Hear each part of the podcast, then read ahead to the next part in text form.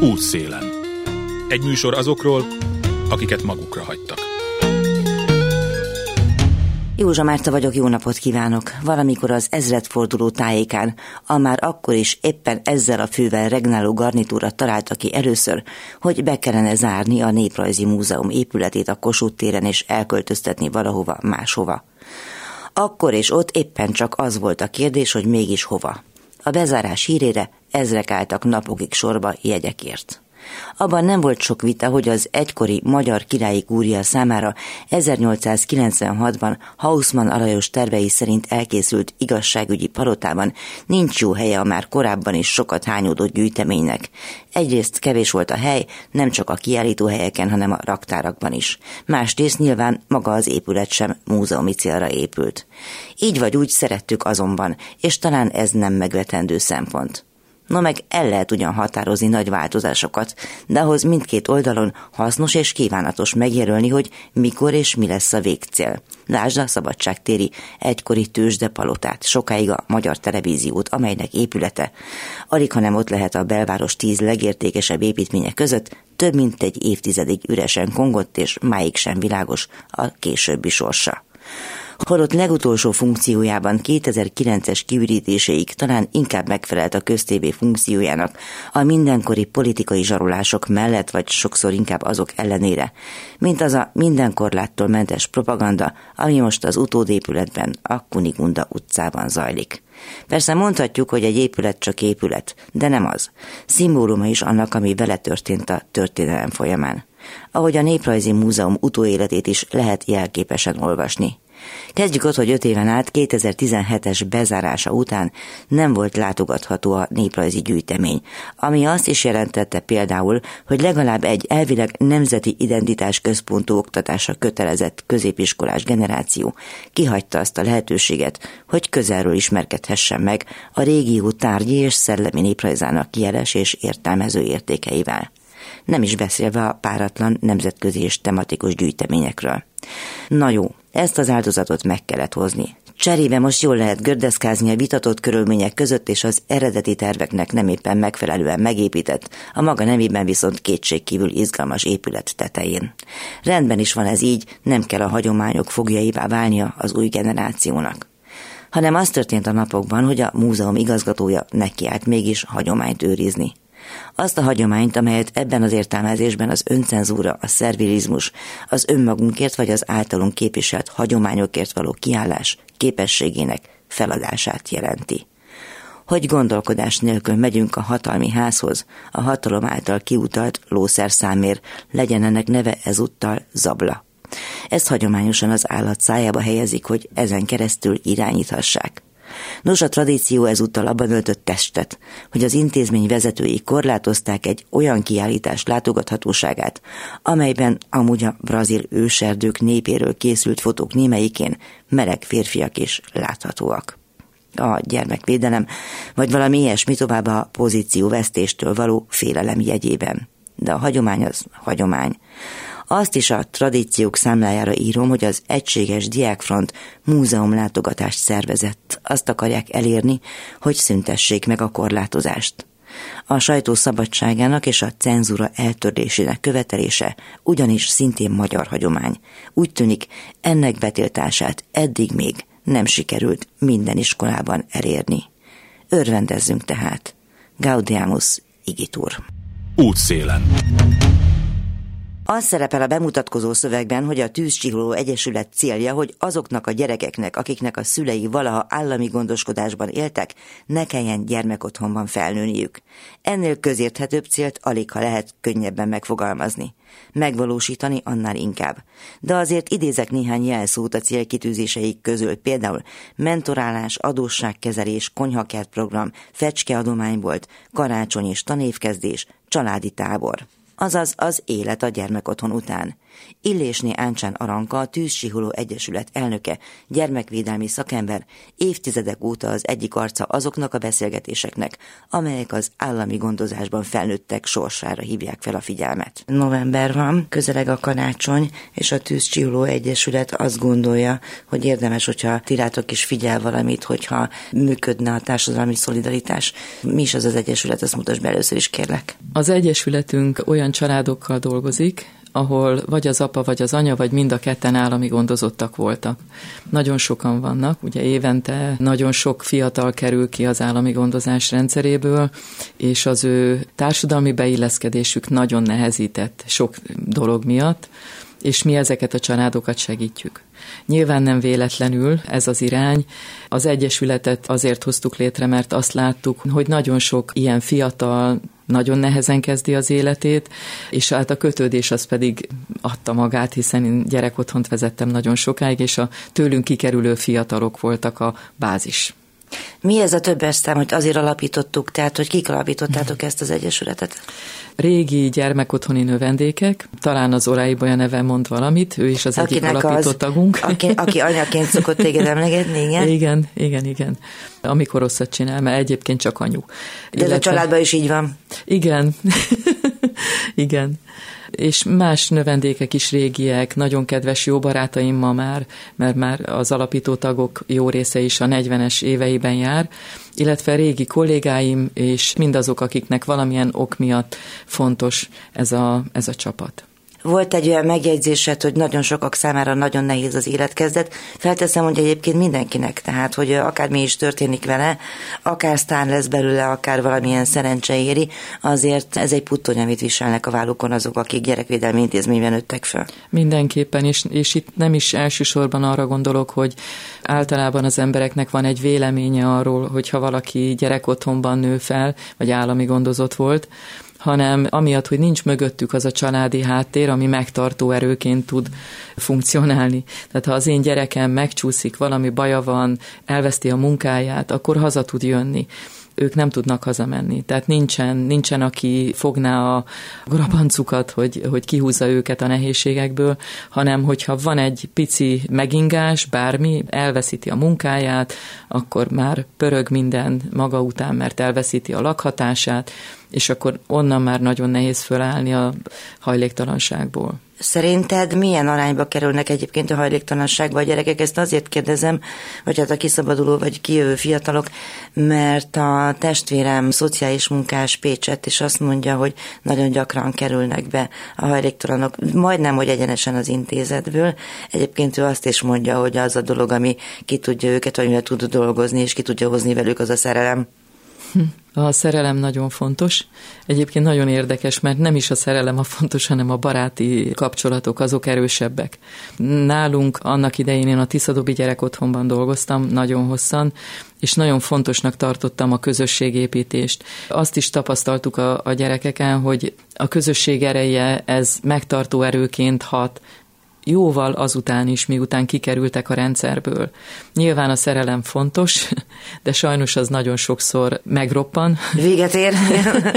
és sajnos az pedig egy másik helyzetet idéz elő, amikor az egyedülálló anyukák a gyerekkel teljesen létezhetetlen a helyzetük. Nagyon nehéz a történet.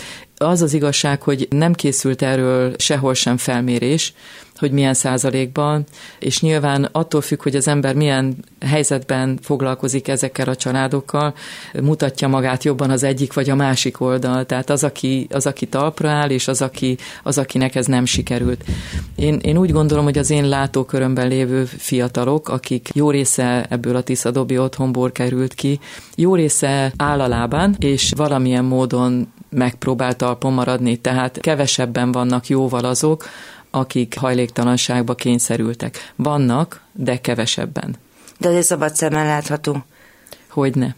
Persze. Mennyire kíséri el most mondjuk egy gyerekvédelmi intézmény a gyereket? Egyáltalán mennyi pénzzel, milyen lehetőségekkel szabadul, és milyen az utánkövetése? Nagyon sok változás volt egyébként az elmúlt időszakban ezen a téren, mert ugye korábban az volt a meghatározó, hogy a gyerekek családi pótlékját összegyűjtötték az ő számlájára, és akkor ezt kiegészítették az otthonteremtési támogatás összegével. Az elmúlt időszakban lényegesen változtak a törvények e tekintetben. Most már az van, hogy a családi pótlékot felhasználja az intézmény, vagy felhasználja a nevelőszülő, és amikor a fiatalok kikerülnek, akkor az otthonteremtési támogatás az, amit igényelni lehet. Ennek az összege majdnem eléri a két millió forintot ma, és hogyha belegondolunk abba, hogy ebből hol lehet 2 millió forintból lakáshoz jutni.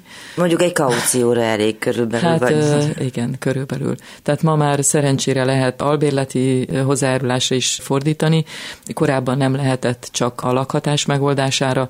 Nálunk például az Egyesület körében, akikkel foglalkozunk családok, jó része Szabolcs-Szatmár-Bereg megyei kis településeken él, és olyan helyen tudtak venni valamiféle kis lakást, ahol nincsen munka lehetőség, mert hogy ott volt olcsó, és, és ott lehetett valamihez hozzá. se nagyon van. Így van, és ugye ebből meg ismételten keletkezik egy nagyon nagy probléma, hogy nincs munka lehetőség, vagy óriási nagy távolságokra kell eljárni. És ha gyerek is van, nyilvánvalóan akkor az anya nem tud mozdulni, az apának jó esetben van munkája, de lehet, hogy heti rendszerességgel jár haza, vagy annál, annál ritkábban. Mennyire jellemző az, hogy egymás között, tehát ebben a társaságban egymás között házasodnak egymással ez gyerekük? Több ilyen családunk van nyilván, nagyon érdekes a maga a kérdés, mert még tisztadóban dolgoztam, amikor, amikor diplomamunkámnak azt a címet adtam, hogy se nem cigány, se nem magyar. Nálunk ott nagyon magas volt a roma gyerekek száma. A gyerek otthonban 95%-os volt, és így több téma érdekelt ebből a dologból és nagyon érdekes volt, hogy, hogy, hogy ott az jött ki, hogy aki gyerek otthonban nő föl, ugye egy sajátos szemlélete van, sajátos gondolkodása van, többségük elítélte azt, ahogyan a, a romák élnek, hiszen, hiszen ők abból a közegből lököttek ki, ott nem kapták meg azt, amit meg kellett volna, hogy kapjanak, és emiatt ők ezt, ezt, a, ezt elutasítják. De ők viszont romák. Nagyon érdekes volt, hogy azt mondták, hogy én biztos, hogy nem költöznék olyan helyre, ahol, ahol a szomszédom roma, és biztos, hogy nem vennék el roma lányt, vagy nem mennék egy roma fiúhoz, és ugye a társadalomban pedig ő egy, egy, egy cigánylány, egy cigányfiú, akihez viszont...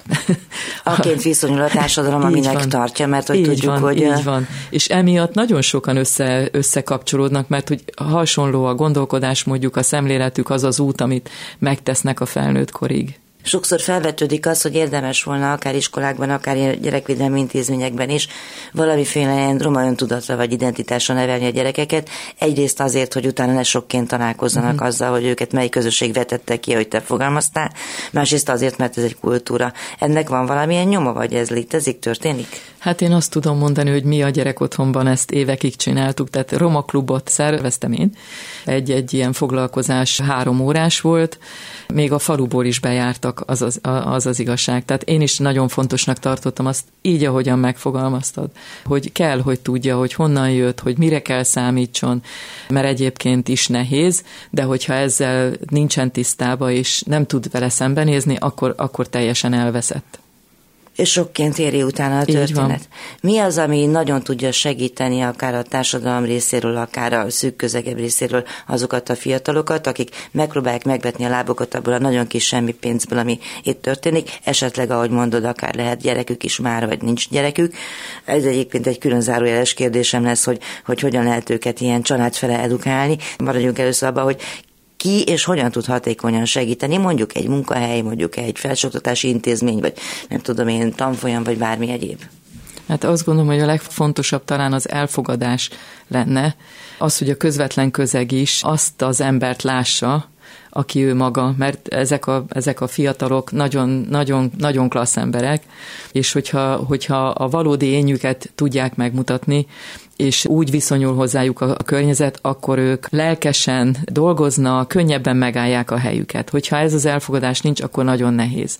Hát nyilván egy csomó dolog van, amit a gyerekotthoni közegben nem tudnak megtanulni, mi például ebben próbálunk segítséget nyújtani. Tehát látjuk, hogy hol vannak az elakadások, látjuk, hogy mi a probléma, és oda próbáljuk a segítséget tenni. Melyik a nagyobb stigma az, hogyha valakit romának tekintenek, vagy az, hogyha valakit intézet és gyereknek most idézélet mutattam? Hát, hát, ha még a kettő együtt jár. Azt gondolom, hogy romának lenni nagyon nehéz ma Magyarországon. Az intézet is létet nem, nem, nem muszáj elmondani, hogy honnan jövök. Az, nem hogy valaki ki? roma, az látszik. Ha beszél róla. Jellemzően merre fele tudnak sikerrel tovább menni? Mondjuk azt értem, hogy vesznek valami nagyon világvégi házat, és megpróbálnak ott otthon teremteni, és alig van munka, de hogy mondjuk a továbbtanulási lehetőségeik azok hogyan működnek, hiszen az ember vagy tanul, vagy lakik, vagy pénzt keres, de a hármat azért összehozni az mindenkinek embert próbáló feladat. Igen, tehát a, a, a lehető legfontosabb is ez az, amit nagyon sokat hallottak a gyerekek a, a gyerek otthonba tőlünk, felnőttektől, hogy tanulni kell. Tehát nekik semmi nincs. Nincs mögöttük semmi, nincs mögöttük háttér. Mindenkinek a legtöbbet kell kihozni abból, ami benne van. Különböző tehetséggel jönnek ezek a fiatalok. És a, itt a tehetséget bármiben értem, egy, egy munkához való jó hozzáállás, munkamorál, munkabírás, és egyéb tehetség is persze, mert hogy ebből is, ebből is van azért bőven, de az, hogy a maximumot hozza ki magából. Én nagyon sokszor elmondtam a gyerekeknek, nagyon sokszor hallották tőlem, hogy nektek nincs időtök arra, hogy eljátszátok a gyereket, nem így szoktam fogalmazni, azt szoktam mondani, hogy hülye gyereket játszatok, amikor mondjuk így ilyen rosszaságokba csúsztak bele, mert úgy készülni kell arra, hogy mögöttetek nem áll majd senki, talpra kell állni, és ahhoz azt kell tegyed, hogy a lehető legtöbbet kihoz magadból, tanulj. Ameddig lehet, addig tanulj. Pedig amúgy minden gyereknek van joga egy kicsit hülye gyereknek lenni idejében, tehát hogy így... Joga van, de ezeknek a gyerekeknek az a, hát nem akarok durván fogalmazni és azt mondani, hogy az a halál, mert nyilván nem az, de a lehetetlen lét. Neked, mint olyannal, aki segítő szakmával foglalkozol, nyilván nagyon gyakran szembe kell nézned a sikertelenségi történetekkel is, meg nyilván a sikertörténetekkel is. Tehát, hogy te magad ezeket hogyan éled meg? Mondhatom, hogy nehezen, de valahogy nem tudom, nagyon, nagyon jól vagyok összerakva, tehát ha a kudarcok meg a sikertelenségek összetörnének, akkor már elmenekültem volna, de közben azt gondolom, hogy fütyülve, dololva megyek tovább, és mindig azt nézem, hogy hogy, hogy lehet tovább lépni, hogy lehet a megoldást keresem, a, a lehetőségeket keresem, és e felé próbálom tolni a, a, a családokat is. Nyilván a klubrádió hallgatóinak jó része is több interjút látott, olvasott, hallott tőled veled, de hogy mi hajtott, mondd el még egyszer kérlek, hogy mi hajtott ebbe, a, hát ebbe az életpályába, hivatásba, vagy nem is tudom, szakmának azért kevés lenne nevezni. Érdekes módon nem tudatosan készültem erre a pályára.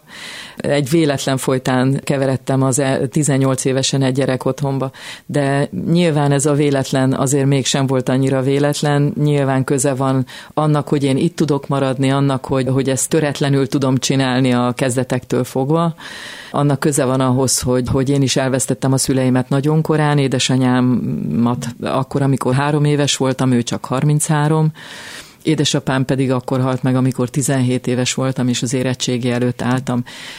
Nyilván ez egy nehéz életkezdés volt, én nagyon, nagyon meggyötört engem az élet gyerekkoromban, nagyon nehezen éltem meg a, a kezdeti időszakot, de engem ez nem összetört, hanem megerősített, és hát nagyon sokat segített abban, hogy, hogy a gyerekek nyafogásait arról, hogy milyen nehéz nekik az élet, azt így könnyen ki tudtam kerülni egy mondattal, amikor azt mondták, hogy könnyű magának. Na persze, de azért nyilván ez egy csomó stúdium is hozzásegített. Igyekeztél minden jobban megtanulni ezt a szakmát. Igen, érdekes módon ugye, mivel nem erre készültem, vegyész laborás végzettséget sikerült szereznem, amit persze nem azért szereztem, mert érdekelt a kémia, de mindegy, ez egy másik történet. Igazán a magyar irodalom, költészet, színjátszás, ezek érdekeltek, és hát tettem egy csavart utána, amikor így 18 évesen odavetett a sors ebbe a gyerekotthonba, a legelsőbe, ahol dolgoztam, egy évet a főiskola előtt, akkor onnan már úgy, úgy mentem főiskolára, hogy tudtam, hogy ezt akarom csinálni. Tehát gyerekekkel szeret, állami gondozó gyerekekkel szeretnék dolgozni, így választottam a szakot, aztán utána még ez ugye egy főiskola volt Szombathelyen, tanárképző főiskola, és akkor ezt követően még szociálpolitikusi diplomát szereztem a Debreceni Egyetemen, meg még van egy ilyen közoktatásvezetői végzettségem is. Az, hogy megalapítottátok ezt az egyesületet, a tűzcsiholót, az tulajdonképpen mi hozta létre? Tehát nyilvánvalóan lehettek olyan lukak, vagy olyan lefedetlen területek, amelyeket az általános, és gondolom nagyon sok munkád mellett tapasztaltál. Szóval az Egyesületről mesélj kicsit, hogy merre tud ez haladni. Az Egyesület az nem túl régen jött létre, mert három éve jegyezték be, de tulajdonképpen az előzménye hosszú évekre nyúlik vissza, még a Tiszadobi évekre, én a Tiszadobon 2012-ig dolgoztam, és már akkor figyeltünk arra, hogy a, a kikerülő gyerekekkel mi történik, kinek milyen segítségre van szüksége, támogattuk ezeket a fiatalokat, és amikor eljöttem Tiszadobról, akkor, akkor kétségbe esetten kerestek a gyerekek, hogy akkor most már nem jön, akkor már nem, nem, nem jön hozzánk, biztos, hogy nem jön és akkor erre nem lehet azt mondani, hogy nem, tehát akkor elindultam Kecskemétről Szabolcsba, és hát ez az út ez azóta is folyamatosan megvan Kecskemét és Tiszadob között, és elég nagy utat tettünk meg az Egyesülettel is. Jó darabig nem volt ez az egyesületi forma, próbáltunk segíteni, aztán, aztán azt láttuk, hogy, hogy ahhoz, hogy pályázni tudjunk, támogatást tudjunk gyűjteni a tevékenységünkhöz, ahhoz muszáj egy ilyen szervezetet megalapítani milyen azon túl, hogy majd mindjárt beszéljük azt, hogy mit lehet, és most éppen karácsony előtt segíteni, de egészében mi történik? A legfontosabb projekt, amit csinálunk, az a családi mentorálás, a családok mentorálása. Ezt nyilván nem tudjuk megtenni mind a száz családdal, akik, akikkel nagyjából dolgozunk, hanem mindig azt nézzük meg, hogy ki van a legnagyobb problémában, ki van a legnagyobb bajban, és hogy úgy van bajban, hogy mi tudunk is neki segíteni.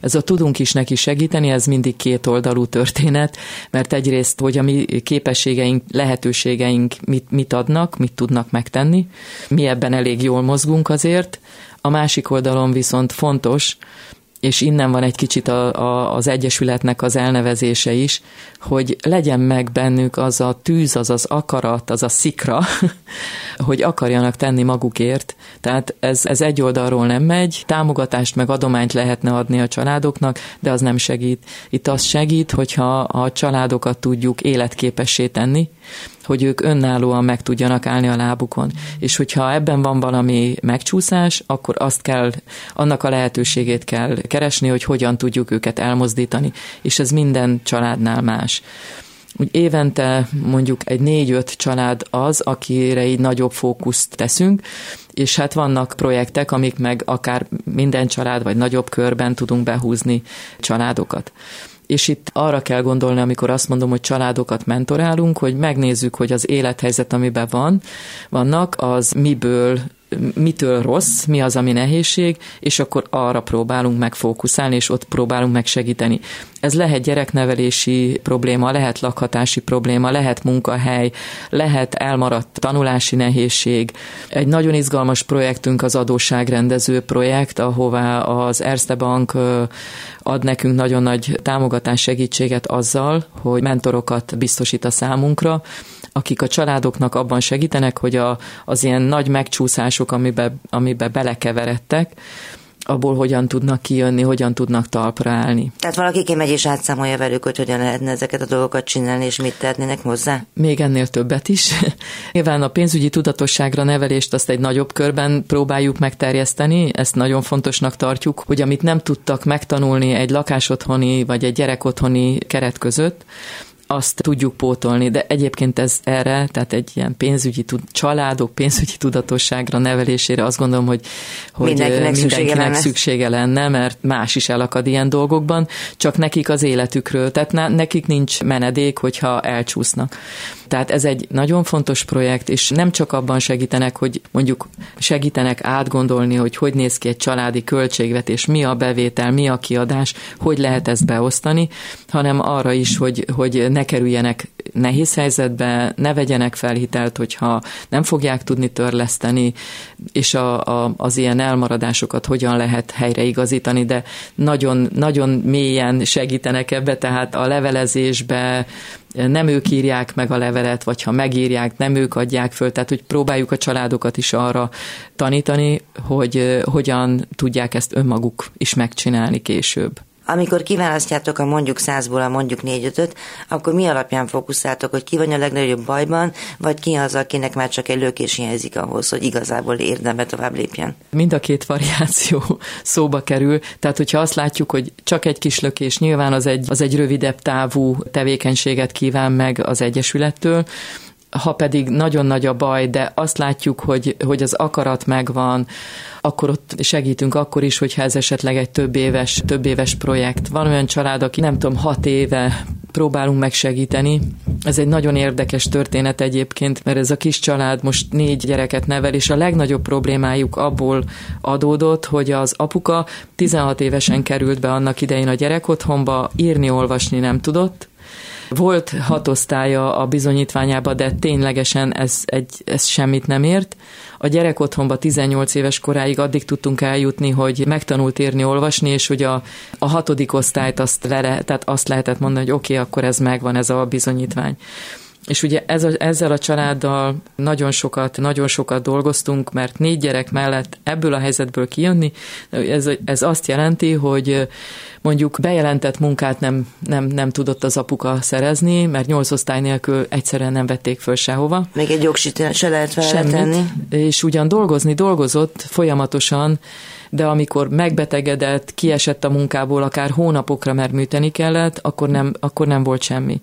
És hát ez nekünk egy óriási siker, nagyon nagy ünnep a számunkra, hogy az apuka kiárta magának, hogy őt felvegyék a munka mellett az általános iskolába, megcsinálta a hetedik osztályt, utána megcsinálta a nyolcadik osztályt, és most egy pár nappal ezelőtt sikerült beregisztrálnia egy, egy targonca vezető képzésre, ami azt gondolom, hogy meghozza már azt a, az eredményt, hogy egy idő múlva el fogjuk tudni engedni ennek a családnak a kezét. Bravo. Mi az, amit most vártok a társadalomtól karácsony előtt? Karácsony előtt élelmiszerre gyűjtünk, Egyébként is mindig nagyon, ugye Szabolcsi kis településeken élő családokról beszélünk, ahol nagyon nagy a, nagyon nagy a szükség, nagyon nagy nehézségek vannak, fűtési szezon és egyebek és ráadásul most ez a, ez a mostani társadalmi helyzet, amiben vagyunk, rettentően megkínozza őket, tehát mindenütt lehet olvasni, hallani, mi pedig a bőrünkön érezzük, az ő bőrükön érezzük,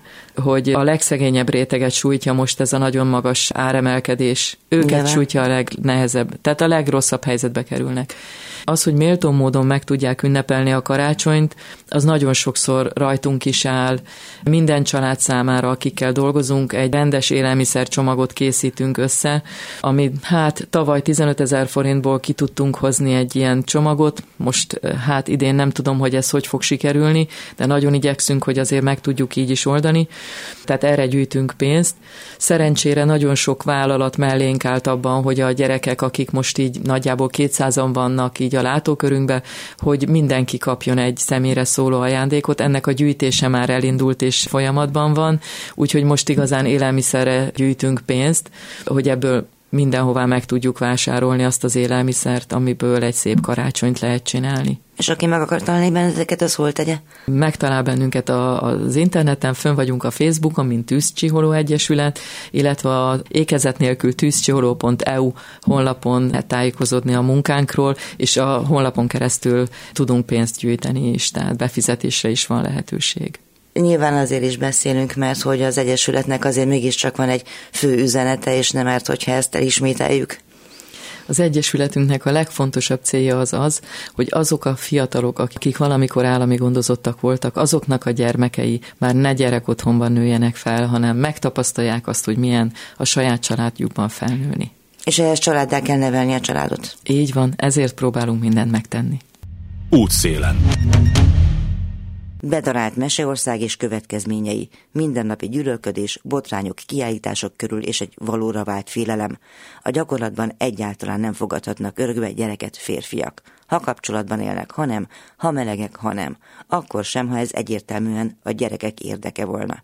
Mindeközben nem csak az állami, hanem a hétköznapi homofóbia is egyre erősödik. Dudics Luca van itt a háttértársaság ügyűjője.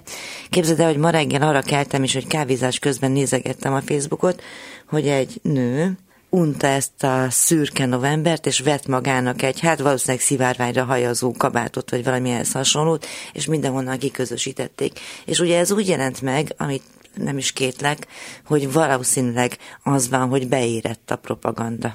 Igen, én is láttam sajnos ezeket a, ezeket a híreket a közösségi médián. Nagyon szomorú szerintem az, hogy már az, hogy valakit úgy látnak, hogy kilóg bármilyen módon az átlagból, akkor ezért beszólogatnak, vagy megjegyzéseket tesznek, vagy csak olyan pillantásokat vetnek rá, és a bejegyzései alapján nem csak erről volt szó, hanem az, hogy tényleg verbálisan abúzus érte. Ha jól láttam, akkor az a közért, vagy hát az a boltlánc, amiben konkrétan ezek az inzultusok érték, már reagált erre, és jelezték, hogy ki fogják vizsgálni ezt az ügyet, úgyhogy remélhetőleg látunk majd fejlődést ebben. Nem lepődnék meg, hogyha majd megkeresnének minket, hogy tartsunk egy tréninget, ahol szemléletformálást fogunk, vagy tartanánk a munkavállalóiknak. Hát nyilván amúgy nem csak a munkavállalóik voltak, hanem az egyszerű mezei vásárlók is ebben az abuzusban. Csak hogy hát nagy kérdés, biztos, hogy rettentő nagy szükség van arra, hogy tényleg tartsatok, de mindenhova nem értek el. Például az iskolákban most már nem nagyon lehet elérni, vagy hogy van ez? Így van, tehát 2021-ben, amikor elfogadták a propagandatörvényt, akkor ugye azt mondták, hogy csak külön engedéllyel lehet majd az iskolákba bemenni, amennyiben bármilyen módon bemutatnak vagy népszerűsítenék az LMBTQ identitásokat, és most már több mint két éve nem dolgozta ki a minisztérium azt a procedúrát, amiben valaki megkaphatja ezt az engedélyt, amiben hát ugye azt jelenti, hogy gyakorlatilag elvileg senki nem mehet be ilyen témákról beszélni. Ami azt jelenti, hogy ha a szexuális felvilágosításra, a szexuális nevelésre gondolunk, akkor ezek a nevelések, ezek általában magukba foglalják azt az információ átadást, hogy létezik a heteroszexuálison kívül más szexuális irányultság, és hogy például hogyan kell, vagy hogyan érdemes védekezni ekkor, és hogyan, hogyan lehet kialakítani olyan egészséges, intim kapcsolatokat, amely megfelel a fiataloknak. És nagyon sok olyan szexuális nevelést tartó szervezet, vagy magánszemély, pszichológus, orvos van, aki emiatt kiszorult az iskolákból, és hát most, most már két éve tart. Az egy fontos fejlemény, hogy van egy kötelezettségszegési eljárás Magyarország ellen, ami azt jelenti, hogy az Európai Bizottság túlságosan diszkriminatívnak találta a propaganda törvényt, azt mondta, hogy túlzó, az, hogy, hogy például a, a könyveket külön kell csomagolni, ugye az elmúlt hónapokban azért ez a fóliázás az eléggé ment, és azt gondoljuk, hogy amikor amikor majd 2024 nyarán kimondják ezt az ítéletet előreláthatóan, akkor igenis arra fogják felszólítani a magyar államot, hogy vonják vissza a propagandatörvényt, de hát ez azt fogja jelenteni, hogy akkor is, hogy ezt 2024-ben kimondják, az több mint három év az elfogadástól számítva, tehát lesznek olyan osztályok, akik úgy fognak a gimnáziumból elballagni, hogy nem volt szexuális felvilágosításuk. Bizony, és voltak éppen teljesen függetlenül attól, hogy érintik-e a meleg témát, vagy bármi egyebet, senki nem meri ezt megkockáztatni, mert mi van, hogyha valaki megkérdezi, és eleve az igazgatók nem engedik be az embereket ebbe a sztoriba. Amúgy a, ma reggel olvastam még egy másik hírt is, hogy a Meseország mindenki, az most már a Labris Egyesület honlapján elérhető úgy, hogy jeles művészek, nem tudom én, Csúlya Imre, meg többen olvassák fel ezt a történetet. Úgyhogy természetesen létezhet, vagy létezik valami fajta ellenállás, és fontos is, hogy létezzen azért a Meseország, mint könyv, meg mint, hát mint munka, azért az elég nagy nemzetközi hírnevet futott be. Igen, ha jól tudom, akkor már 12 nyelvre is lefordították, ha jól tudom, akkor Amerikában is meg fog jelenni, és igen, a Meseország mindenki.hu oldalon most már elérhető videós formában is, illetve a pedagógusoknak külön foglalkozástervek is letölthetők, alsósok, felsősok és gimnazisták részére is. Igen, ez nagyon fontos, ráadásul azt nem tudom, hogy emlékszel-e arra, hogy most egy műfordító díjat azért nem kapott meg egy műfordító páros, mert ők többek között fordították a Meseországot is. Tehát ez voltak éppen, voltak éppen mindenhova becsúszik ez a történet. És akkor persze, hogy még mindig a mindennapjainknál maradjunk, itt van mellettünk a, a Néprajzi Múzeum. Néztem pont a trollina, hogyan jöttem, igen, hát egészen elképesztő volt, amikor tegnap olvastam ezeket a híreket, hogy most elkordonozzák, és hát szerintem azt egyébként fontos megemlíteni, hogy a magyar jogszabályok nagyon szigorúan korlátozzák azt, hogy kinézheti meg az embernek a személyigazolványát. És a Nemzeti Múzeumban ugye ezért volt az, hogy a jegyárusításnál nem ellenőrizhették ezt a személyigazolványt, amelyért utána valószínűleg ez is közrejátszott abban, hogy menesztették elsimondta a múzeumnak az éléről. Szerintem az azért egy nagy kérdés, hogy akkor most a Néprajzi Múzeumban ennek a teremőrnek van-e joga ellenőrizni a személyigazolványokat, vagy csak az van megint, hogy feltételezik, hogy ez elég lesz arra az ő, az ő ott léte, hogy nem merjenek kiskorú személyek belépni abba a terembe, vagy például nem merjen egy szülő a 16-17 éves gyerekével belépni abba a terembe. Úgyhogy ha bárkinek van ezzel tapasztalata, akkor hogyha a háttérnek tudomására hozza, nagyon megköszönjük. Azt biztosan tudjuk, hogy nincs a teremőrnek joga, sőt a múzeum igazgatónak sincsen joga, tehát ez nem kérdés. Az a kérdés, hogy ezt mégis hogy gondolták, illetve hogy mégis mennyire mennek elébe annak a dolognak, amitől rettegnek, és aminek ugye látjuk, hogy centiméterekkel méricskérik pásztónak könyvesboltot, hogy akkor hány méterre van a könyvektől a templom, meg az iskola, meg a bármi egyéb. Szóval, hogy ez gyakorlatilag átment egy ilyen burleszkbe is, nem? Hát egészen elszomorító és egyszerűen nevetséges, a tragikomédia, ami mostanában folyik ebben a témában. Az előbb mondtad azt, hogy nem tudunk mindenkihez eljutni, hát abban igazad van, hogy az, hogy mondjuk nálunk van 21 munkatárs, és mondjuk 80 állandó önkéntes, mi nem fogunk tudni az ország minden szegletében eljutni, viszont amit nagyon fontosnak tartunk az az, hogy megteremtsünk erőforrásokat azoknak az embereknek, akik szeretnének az LMBTQ emberekért fellépni, és például most elindult egy olyan projektünk, ahol képzéseket tartunk szövetségeseknek, illetve LMBTQ embereknek, akik szeretnének a mindennapokban beszélgetni erről a témáról.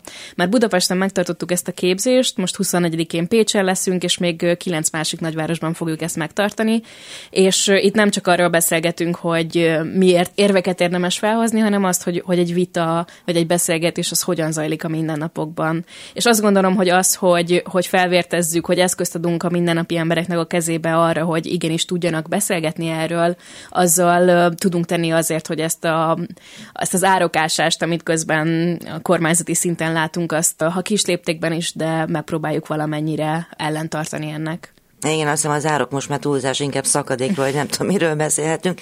Jellemzően milyen csoportok keresnek meg benneteket? Most nyilván nem azt kérem, hogy megnevezd, hanem kik azok, akik úgy érzik, hogy nem tudnak, mert én, én ezt értem, vagy érzem, hogy az ember sokszor ott áll, hogy nem tud valamit ellent mondani, amikor valaki hatalmas könycseppeket gördült ki a szeméből, és azt mondja, hogy nyugdíjas tanár vagyok, és itt az unokáimat el akarják nem váltó műtétre vinni az óvodából, és hogy kérdezem, mire gondolsz?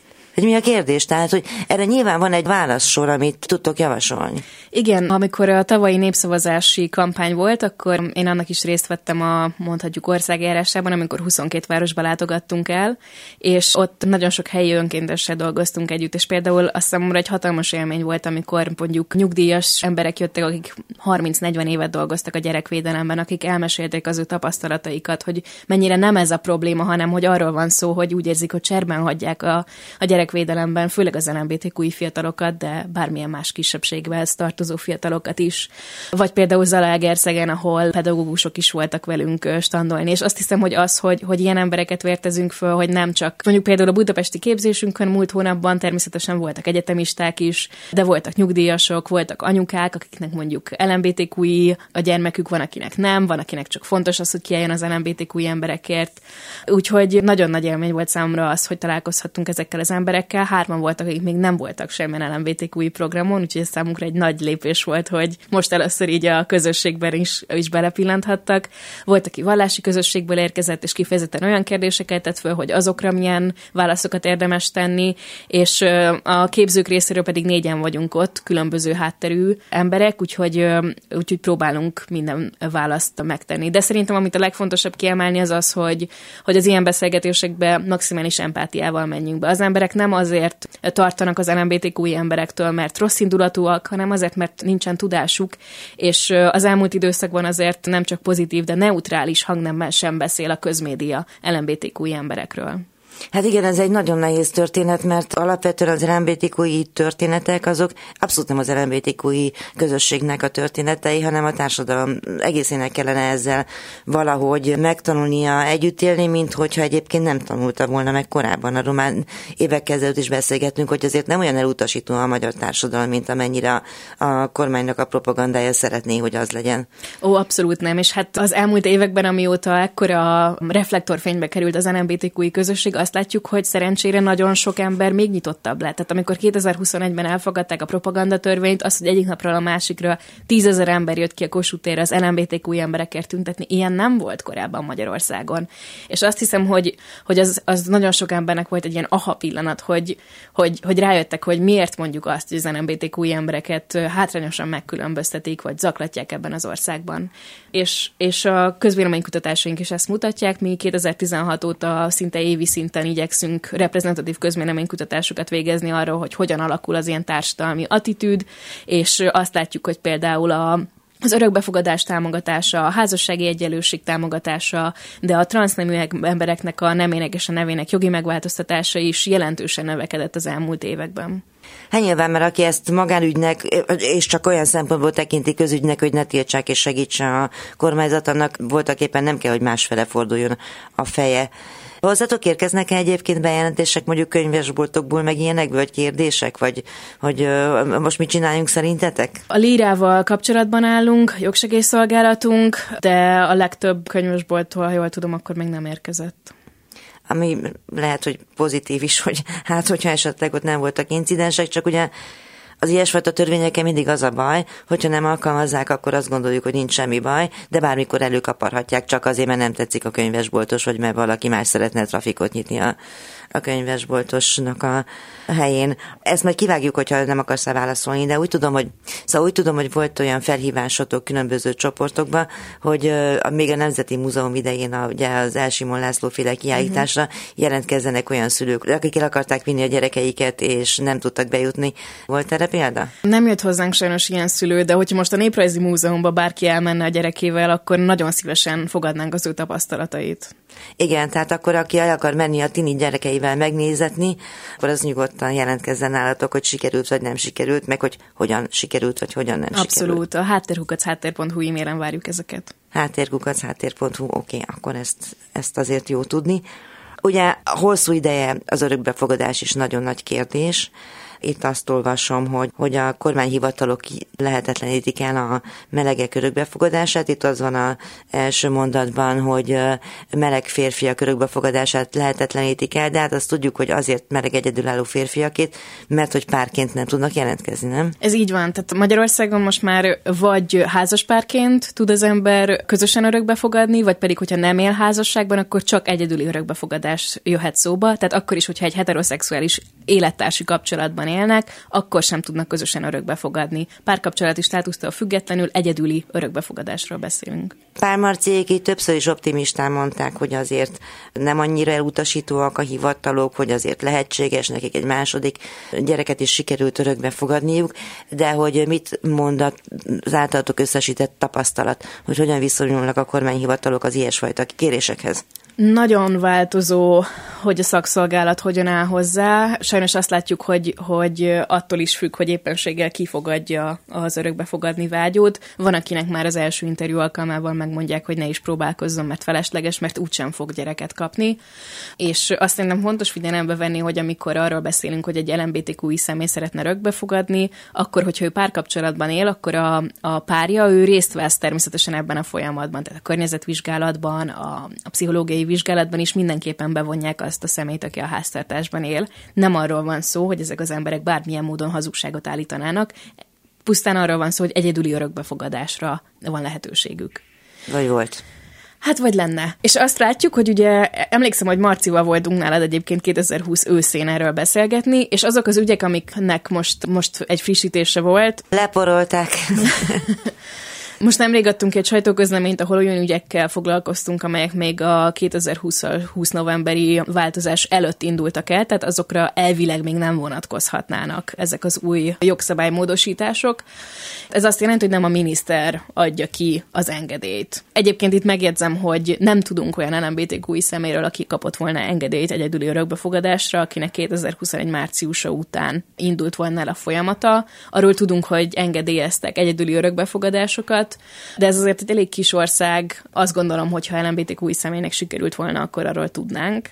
És elutasításról sem tudunk, ami azt gondolom, hogy valószínűsíthető, hogy az történik, hogy amikor egy olyan fájl kerül a miniszternek az asztalára, ahol egyértelműen kiderül, hogy LMBTQ az illető, akkor ez szépen bekerül a fiókba, nem kerül rá sem engedély, sem elutasítás, ami azt jelenti, hogy nem lehet semmilyen módon litigálni, nem lehet eljárást indítani akkor, hogyha úgy érzékeljük, hogy itt egy eh, diszkriminatív elutasításról van szó.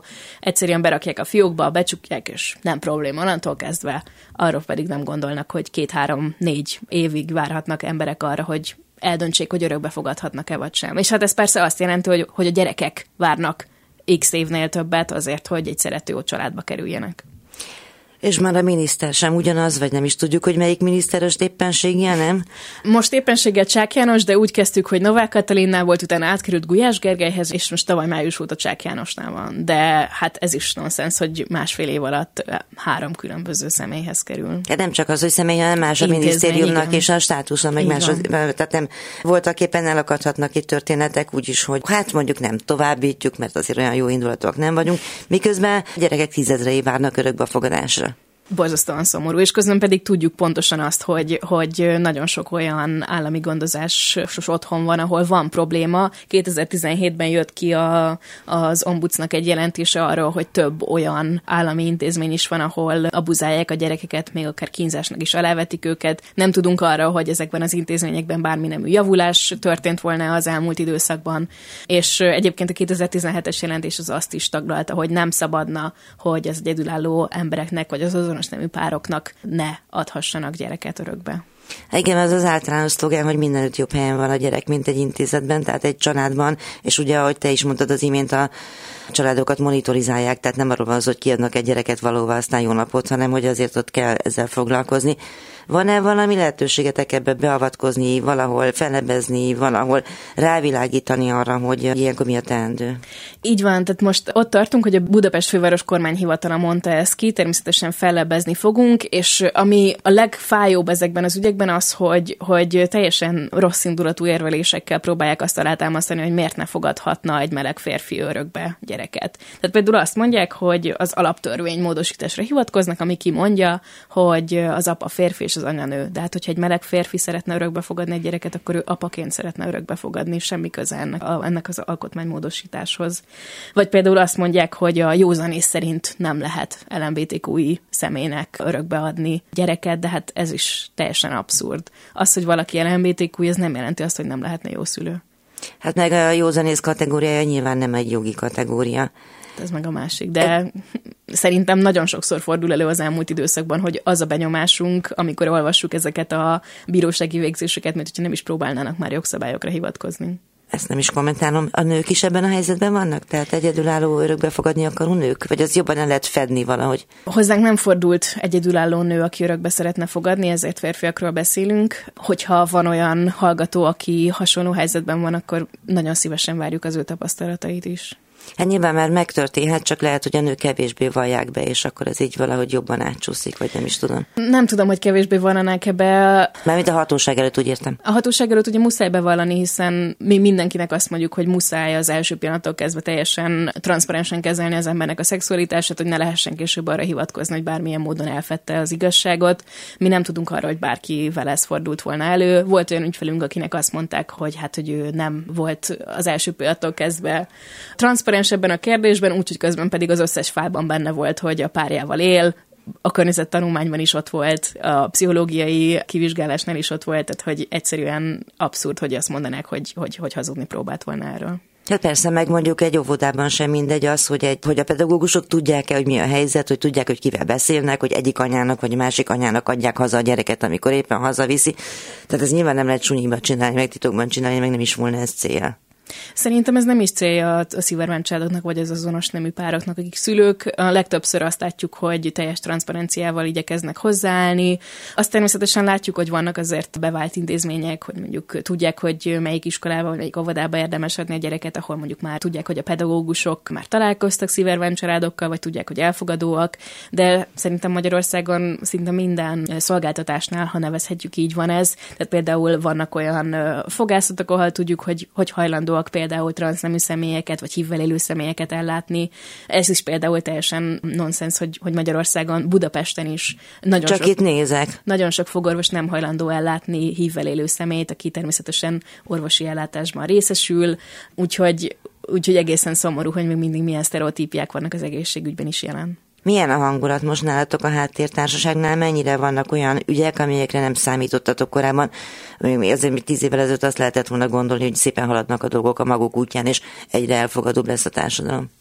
Szerintem nagyon ketté kell választani azt, hogy hogyan haladunk. Amikor tavaly a, a népszavazást sikeresen érvénytelenítettük, akkor, akkor utána volt több hosszú beszélgetésünk a csapattal. Abban teljesen egyetértettünk, hogy a civil munkának azt a részét, hogy mondjuk az ember úgy méri a sikerességét, hogy mondjuk volt-e egy jó parlamenti meghallgatása, sikerült-e az elmúlt években olyan törvényjavaslatokat javasolni, vagy olyan törvényjavaslatokat fogadott el a parlament, amelyek az általa képviselt kisebbségnek kedvezőek-e, hogy erről azért le kell tenni. Tehát, hogy az embernek muszáj realisztikusan hozzáállnia ahhoz, hogy ne örüljön meg kvázi.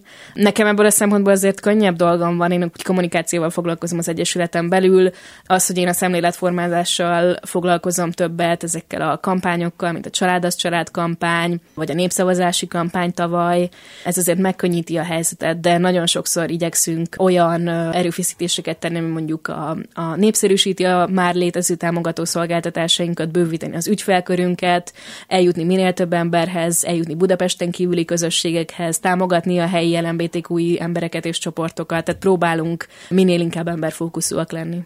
Hát, hogy ez a dolgotok még egy utolsó dolog voltál Libri könyvesboltban mostanában? Nem. és nem annyira tervezek menni. Hát akkor most a Libri nélkülünk fog működni, mert én sem voltam. Útszélen.